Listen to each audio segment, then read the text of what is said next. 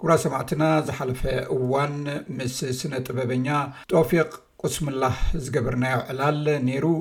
ብዛዕባ ስነ ጥበብ ብዛዕባ ዘድንቆም ብዛዕባ ስራሓቱን ነዕሊልና ነርና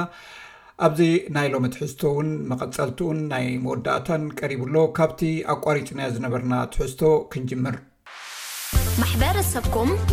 ዘተኹም SBS ትግርኛ። ሕጂ ተሪኤዮ ብሓፈሽኡ እዚ ናትና ገለ ገለ ብኣጻብዒ ዲኻ ትቆጽሮም እቶም ኪኢላታት እዮም ኢልካ ብጽሑፍ ማለት እዩ ከም ትምህርታዊ ዝኾነ ሰርች ጌርካ እትህቦም ቫልዩ ሰባት ውሑዳት እዮም ክብል ደሊ ካብኣቶም ሓደ ዶክተር ሩሶ ሕሱ ሕጂ ከመይ መሲልካ እታ ክንብላ ጸንሕና እዩ ድብላ ማለት ሻረ ከፍ ኢለ ይጥቀምስ ሕጂ እንታይ ይብለካ ብቶ ፍሊቃ ሓዲ ጭቃ ናይ ኣፍሪቃ ኣውጻኣያ እታ ሓቃ ይብል ሕጂ እዚ ሕጂ ከምኡውን ኣምጻለይ ኣብርሃም ኣፍወርቂ ግጥምናቱ ብጣዕሚ ሓያል እዩ ሓያል እዩ ክብለካ ከለኹ ክልተ ጸኒሑ ብ ሰለስተ ከይድ ሰለስተ ጸኒሑ ኣርባዕተ ከይድ ኣርባዕተ ጸኒሑ ሓደ ከይድ እዚ ካብቲ ዘመናዊ ኣሰራርዓ ግጥሚ እዩ ከምኡ ውን ኣነ ምናልባሽ ሰብ ከም ደራፋይ ክፈልጦ ክእል ይኸውን ኣነ ጊን ከም ገጣማይ እየ ድፈልጦ ብሳየ እዩ ኔሩ ብ ዝነበርናሉ ኩነታት ንሱ ዮሃንስ ትካቦ እዩ ብጣዕሚ ግጥሚ ናቱ ሓያል እዩ። ናብቲ ግጥሚ ናቱ ኩሉ ብሰረዐይ ዝኾነ ብሎ ዝጸንሐ ንሕጂ ሙሉእ ሕጋጋት ብኣኡ ትረኽቦ ማለት እዩ ሕጂ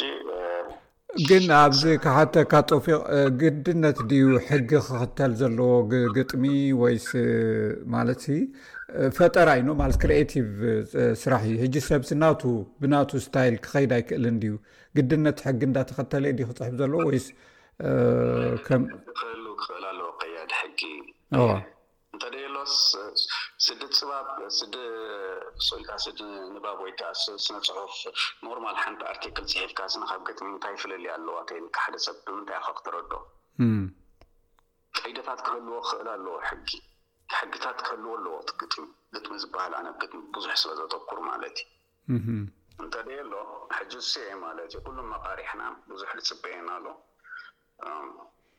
ከምኡ ውን ሕግታት ስቅየድ ክኽእል ኣለዎ ብትግርኛ ምናልባት ትፈታት እንዶን ንመፃኢ ከ ከምኡ መደብ ኣለካ ድዩ ከመይ እዩ ኣብዚ ዘለካ ናይ ትግርኛ ፈታትን እየ ሓፂር ዛንታ ኣለኒ ዝፀሓፍክዎ ከምኡውን ግጥምታት ኣለኒ ሕጂ ኮነ ኣጋጣሚ ኮይኑ ብዙሕ ኣይዳለኹዎን ቅናት ትግርኛ ይሰልቻቸኒ እዩ ብልክዕ እውን ክጥቀመሉ ይደሊ እየ እቲ ሕግታታት ትግርኛ ምክንያቱ ሓደ ገጣማይ ዘብሎ ገጣማይ ብተፈጥሮ እዩ ትዕድልቲ ምግጣም እወ ኣነ ገጣማይ እየ ንክትብል ገጣማይ ክኸውን እየ ኢልካ ትወስዶ ኣይኮነን ከም ደራፋይ እዩ ማለት እዩ ኣርቲ እዩ እቲ ትወስዶ ማለት ትዕድልቲ ዘለካ ናይ ፈጠራ ናይ ግጥሚ ግን ብምንታይ ኢኻ ትቕይዶ መሲልካ ብትምህርቲ ኢኻ ክትቅይዶ ዘለካ። ትምህርትስ ንዑኡስ ጎንጎኑስ ክኸይድ ክኽእል ኣለዎ እንተደየሎ ኩሉ ገጣማይ ይኸውን ኣብ ገለ እዋንስ ኩሉ ገጣማይሲ ክኸውን እዩ ማለተይ በሃላይ። ሕራይ ኣብዚ ምናልባት ከቋርፀካ ኣብ ወፃኢ ኢኻ ዘለኻ ሓደ ስነ ጥበበኛ ወይ ገጣሚ ኣብ ዓዱ ክኸውን ከሎ ነቲ ሕብረተሰብ እንዳመሰለ ካብኡ ዝቐድሖ ነገራት ስለ ዝህልዎ ክፅሕፍ ምቹእ ኩነታት ወይ ፈርታይል ግራውንድ ክፍጠረሉ ክእል እዩ ኣብ ስደት ኮንካ ከምዚ ንስኻ ማለት እዩ ክሳብ ክንደይ ብድሆ ኣለዎ ፀሓፋይ ክትከውን ድራሲ ክትከውን እቲ ቻለንጅ ከመይ ይመስል ብዙሕ ካባኻ ፍልይ ክብል እየ ኩሉ ገጣማይ ድኾነ ኩሉ ናይ ጸሓፋይ ድኾነ ስኒ ኣብቲ ሃገር ክህሉ ኣለዎ ኣብቲ ሃገር ድማ ምስኣቶም ክማቀር ሓለዎ ኩሉ እቲ ኩነታት ድበሃል የለን እቶም ብምሉኦም ሕጂ ብናይ ዓረብ እንድየ ዝረኽበካ በዓል ጁብራን ኸሊል ጁብራን ኣብ ዓዲ ኣይኮነን ነይሩ ናይ ዓዱ ኩነታት ጊን ኣጸቢቁ ዝገልጽ ነበረ ከምኡ ውን ገሊጹ ብልክዕ ዝሃቦ ሰብ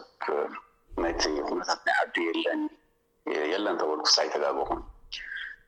ኢሊ ኣቡማዲ ድበሃል ኣሎ ወዲ ሊባኖስ እዩ እሱ ካብ ጁብራን ዲሓምቕ እዩ እዚኣቶም ብምሎም ሹዕራን ሜጀር ይበሃሉ ኣብ ደገ እዮም ኣብ ደገ ድዓበዩ ኣብ ደገ ዝነበሩ እዮም ማለት እዩ ፍቕሪ ናይ ሃገር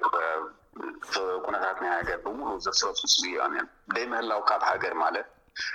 ደሎ ኮሎ ኣብ ሃገር ሕጂ መንፈሱ ወጻኢ ካብ ሃገር ግን ኣካሉ ኣብ ሃገር ኣሎ ማለት እዩ ግን መንፈሱ ወጽዩ ኣሎ ንሕና ወጺና ኣለና ኣካልና ድኣ ይወጽይ እንበር መንፈስና ኣብ ሃገር እዩ ደሎ ምስቲ ሃገር በቲ ሃገር ኢና ንሓስብ ስለዚ ንሕና ከማን ኣነ እንታይ ይብል መሲልካ ብዙሕ ዕድል ኣለና ምክንያቱ ብዙሕ ናይ ኢንተርኔት ኣለና ዕድል ብዙሓት ሰባት ናይ ማልቲካልቸራል ዘለዎም ሰባት ክንረክብ ንኽእል ኢና፣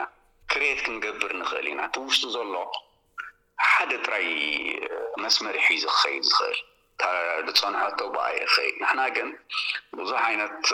ሰባት ንርኢ ኣለና ምስ ብዙሓት ንተሓናፈጽ ኣለና። ናይ ብሙሉኡ ወሃሂድና ስኒ ገለ ዓይነት ስታይል ከነምጽእ ንዓና እዩ ዕድል ዘለና እየ በሃላይ ኣነ ካብቶም ኣብ ውሽጢ ዘለዉ ኣሕዋትና ሕራይሞ ዕላልና ኣይውዳእን ናይ ስነ ጥበብ እንድሕር ጀሚርካ መወዳእታ የብሉን ኣብ መፃኢ ዝተፈላለዩ ኣርእስታት እንዳሓዝና እውን ክንዘራረብ ንኽእል ኢና ናይ መወዳእታ ሕቶይ ግን ምናልባት ኣብዚ ቁሩብ እዋን መጽሓፍ ትሕትም ኣለኻ እቲ ነጊርካኒ ኣለኻ ሰባት ብኸመይ እም ናትካ ስራሓት ክረኽቦ ዝኽእሉ ምክንያቱ ምናልባት ብዓረብ ሰባት ከብልዎ ክእሉ እዮም ናይ እንግሊሽ ከም ዝፅሓፍካ ውን ነጊርካኒ ብኸመይ ክንረኽቦ ንኽእል ስራሕትካ ኣደወልኩካ እታ ናይ ናይ እንግሊሽ ዝፅሓፍክዋ ልቢ ወለድ ዳጋ ቅድሚ ዓመትን እንፍቕ ንኸውን እዩ ወፂኣ ኣማዞን ኣላ ኣልኣሚን ኣልብሪታኒ ትብል እታ ትወጽእ ዘላ ሕጂ ውን መጽሓፈይ ብዓረብያ ክትከውን ጌና ስለ ዘይወጸት ኣይኣወጅኩን ኣለኩ እቲ ካልእ ጽሕፈተይ ሰብ ክረክቦ ዝክእል ኣብቲ ናተይ ዘውጽኦ እዩ ማለት እዩ ፌስቡክ ኣብኡ ይነጥፍ እየ ብብዝሒ ከምኡ ውን ኣብ ናይ ምስዞም ዘለዉ ናይ ዓረብ ገጠምቲ ደለዉ ኣባሌ ንጡፍ ኣባሌ እው። እንደገና እውን ብዝተፈላለየ ልዌብሳይታት ብዝርግሐሉ ኣብ ናይ ኤርትራውያን ይኹን ኣብ ናይ ዓረብ ብኡ ክረኽቦ ይኽእል እዩ እቲ ሰብ በሃላይ እየ። ሕዚ ሓፈሽኡ ብናይ ግጥሚ እንዲና ተዛሪብና ቁሩብ ግን በየነ ሓወይ ሓንቲ ወይ እንዳመጸኹ ቁሩብ ኣብቲ ናትካ ፌስቡክ ክርኢ ኔረስ ግዜ ተሃልዩካ ማለት እዩ ደስ ዝበለኒ ገለ እቲ ናይ ስርዓት ናይ ሓጺር ዛንታ እንታይ ይመስል እቲ ሕግታት ንፈልጦ እንዲና መቸም ኣብኡ ደውጽኻያ ሓንትላ ናብ ዓድና ትብል መሲጻኒ ብጣዕሚ መሲጻኒ ኣነ ጽሑፋትካ ይርእዮ እየ ደዘብል እዩ ግጥሚ ብዙሕ ቀስ ኢልና ርግእ ኢልና ክንዛረበሉ ንኽእል ንኸውን ኣብዛ ዝብለካ ዘለኹ ሓጺር ዛንታ ግን ሓጺር ዛንታ ክበሃል ከሎ ሓደ ካብ ሽሕ ክሳብ ዕስራ ሽሕ ቃላት ዘለዎ እዩ እታ ናትካ እውን ጽሒፍካያ ዘለኻ ኣብ ከባቢ ወይ ትሕቲ ዝያ ካብቲ ደስ ዝበለኒ ኣፍታ ኣብ ዓድና ትብል ዘርጊሕካያ ዘለኻ እቲ ስማት ኮነ ኢልካ ምስቲ ካራክተር ናቶም ወይ ከኣ ኣቲትዩድ ሂብካዮም ዘለኻ ዝኸይድ እዩ ብጣዕሚ ንኣብነት ንበሎ ሕጂ ሰለሙን ኢልካ ኣለኻ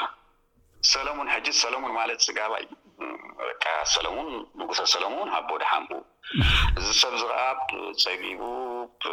ዓደይ ጽቡቅ ኣላ ሽግር ናይ ካልኦት ሰባት ክርኢ ዘይደሊ ግን ኣብ ምቹእ መነባብሮ ዘሎ ንወሎ ደሓን ጭዋዳ እንዳበልዐ ማለት እዩ ዝሞንገደን ዝሰወደን እዩ ከምኡ ዓይነት ካራክተር ኢካ ሂብካዮ ዘለካ ንሰሎሞን ሓይለንኪኤል ንገዛእ ርእሱ ሓይለንኪኤል ክትብሎ ከለካ ሓደ ሰብሲ ብናይ ሚካኤል ሓይሊ ዝኸይድ እዩ ማለት እዩ ናቱ ሓይሊ ፈይትካን ሕጂ እዚ ከመይ ኢልካ ተኽላይ ሕጂ ተኽላይ ገሪማትና ተኽላይ ማለት ተኻሊ ማለት እዩ ዘራይ ነቦይ ተኽላይ ሂብካዮም ዘለካ እቶም ናይ ድኳን ብመንፅሩ ከኣ በቲ ሃብቲ ናቶም እንዳተጠቐሙ ዘርኢ ደባዝሑ ንበሎ ኣርሓ ናይቲ ዓዲ መናእሰያት ምስ ባደሙስኒ ኣርሓ ኮይኖም ነቲ ዓዲ ፍርያት ናቶም ዘጣጥዑ ዘለዉ ዝወልዱ ዘለዉ ከምኡ ዓይነት ተኽላ ኢዩ ረኣይ ሕጂ ኣብ ከምዚ ሕጂ ደስ ኢሉኒ ሓንቲ ብሓጺር ዛንታ ኢልካ ክትጽሕፍ ወይ ከኣ ከተብል ተኾይንካ ካብቲ ቀንዲ ሰለስተ ኣለዋ ትፈልጠን ኢኻ ንሳተን መጀመርታ ኣሎ ማእከላይ ኣሎ መወዳእታ ኣሎ ማለት እዩ እቶም ትህቦም ሰባት ከኣ ካራክተር ከኣ ውሑዳት ክኾኑ ክእሉ ኣለዎም ሕጂ ካብቲ ዝገረመን ኣነ ሓደ ጽሑፍ ወይ ከኣ ሓጺር ዛንታ ብስቕ ኢልካ ክትሰምዖ ክትክእል ኣለካ፣ ኣቐዲምካ ሓሕ ዘይኮነ ኢልካ ክትወ የብልካን፣ እቲ ሰብሲ በቃ ኣመሲጽካ ንዓንቱ ወይ እንዳ ወጸኹ እየ ደንብባ እንድየ ዝሰምዓ ኔረ ኣነ ሕጂ ንኣብነት እታ ሓራስ ኔራ እሞ ኡይ ክትብል እንከላ ኢልካ ካብ መጀመርታ ሕጂ ክትኣትዉ ከለኹም ናብቲ ዓዲ እቲ ሰብ ኣጓሊሕዎ ዓድና ከምዚ እዩ ደሎ እስኻ ከምዚ ንኣብነት ጋዜጠኛ ጋዜጠኛ ዝብል ሕጅስ ኣነ ወዲ ኣስመራ እየ እጥቀመሉ እየ ንሓደ ሰብ ቁሩብ ሓላፍነት ተተዋሂቡስ ኣማሓዳሪ እዩ ትብሎ ሕጂ ኣማሓዳሪ ሕጂ ናይ ምቁሻሽ እያ እዩ እንድዩ ኣማሓዳሪ ግን ኣማሓዳሪ እዩ ክትብሉ ከለካ ከምዚ ሕጂ ጋዜጠኛ ክብለካ ከሎ ኣነ ርድእኒ እዩ ኣበይ ዓይነት ናይ ምንሻው እዩ ኣንደርባይን ምግባር እዩ ግን ኮይኑ ኣብ መንጎ ናይ መቃርንቲ ናትካ ብጾትካ እትገብሮ ምጭርቃን ዓይነት ዝተሓወሰ ቁም ነገር ኮም እዩ ኮነ ኢልካ ከተናሽዎ ድሓር ድሕር ኩነታት ኣይኮነን ሕጂ ካብቲ ደስ ዝበለኒ ማለት እዩ እቲ ዝተኣታተዋ ናቱ ምስቲ ግዜ ስሩዕነታት ሒዝካ ተምጽኦ ዝነበርካ ከምኡ ውን ኣብኡ ምስ ኣተኹም እታ ሰበይቲ ሕጂ ንኣብነት ከምቲ ዝበልኩኻ ህውኽ ዝብልስ ንቀርኒ ይበለ ወይ ከኣ ንቀርኒ ይሕዝ እንዲ ተሃዊኹ መጺኣ ኢሉ ሕጂ ከምኡ ዓይነት ኣነ ሕጂ ድካ ብርእይቶ እኳ እንተኾይኑ ድኣ ታይ ይብል ኣሎ ኢለካ ሕጂ ንኣብነት ሰብኣይ ኣጎልጉሎት እዩ ደሎ ሰብኣይ ካብ ትፈላለዩሲ ሰለስተ ዓመት ጌሩ ኢላቶም እዋ ድሕሪ ሰለስተ ዓመት ድኣ ሞብ ሰለስተ ዓመት ጥንሲ ዝኸይድ ወይ ከኣ ዝጸንሕ ደሎ እዩ ምስ ትርኤ ግን እቲ ሚስጥር ናይ ንሰለስተ ዓመት ጸኒሖ ሰብኣያ ካብ ድፍለያ እንበር በቲ ስርሖም ጌሮም ኣለዉ ኣቦይ ተክላይ ማለት እዪ ትሒዛቶ ዘላ ሰብኣይሲ ናይ ኣቦ ተክላይ እዩ ሪኢካኒ ሕጂ ምስ ከምኡ ተሓሒዝካ ከተምጽኦ እንከለካ ሳዊን ወጽያ ስለምንታይ ቅድሚ ሕጂ ሱሳይድ ዘይፈጸመት ነብሳ ዘይቀተለት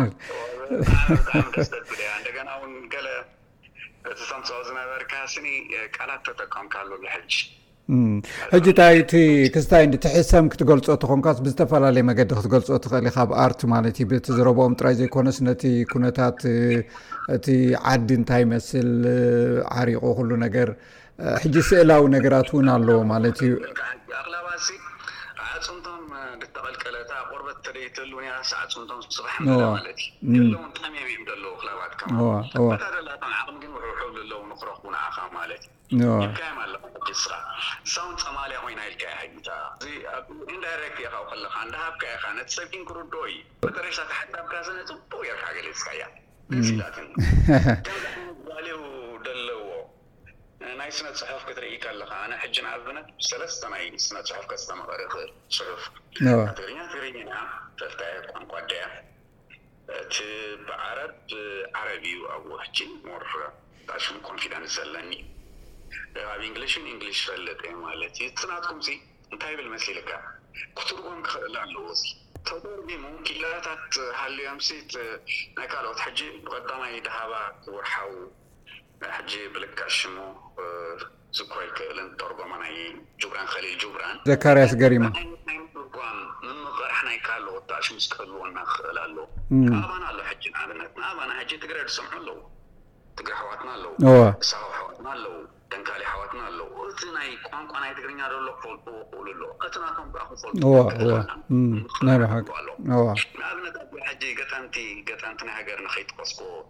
እሓልፍ እድሪስ ወድኣሚር እብሃል ኣሎ ናይ እድሪስ ወድኣሚር ብልክዕ መጽናዕቲ ጌረ ዶ በጽሕክዎ እታ ሽሚ ከሙ ሓያል ገጣማይ የለን እድሪስ ወድኣሚር ግን ኩሉ ኤርትራዊ ዶ ፈልጦ ኣይፈልጦን እዩ ብልክዕ ሕጂ ኣነ እንታይ ብል መሲልካ በዚ ኣጋጣሚ ካልእ ውን ክህልወና እዩ ድሓን በብርእሱ እቲ ናትና ምልቓሕ ሲ ክህልው ክኽእል ኣለዎ ብሕልፊ እዚ ናይ ትርጉም ክንነጥፍ ክንክእል ኣለና በቃ ፅቡቅ እሞ እዚኣ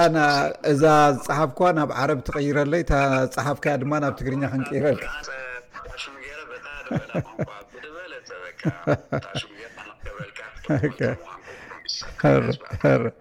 የቀኒለይ እሞ ጦፊቅ ፅቡቅ ዕላል እዩ ማለት ኣይምኖን እዩ ናይ ከምዝበልኩ ግዜ ስለዘይብልና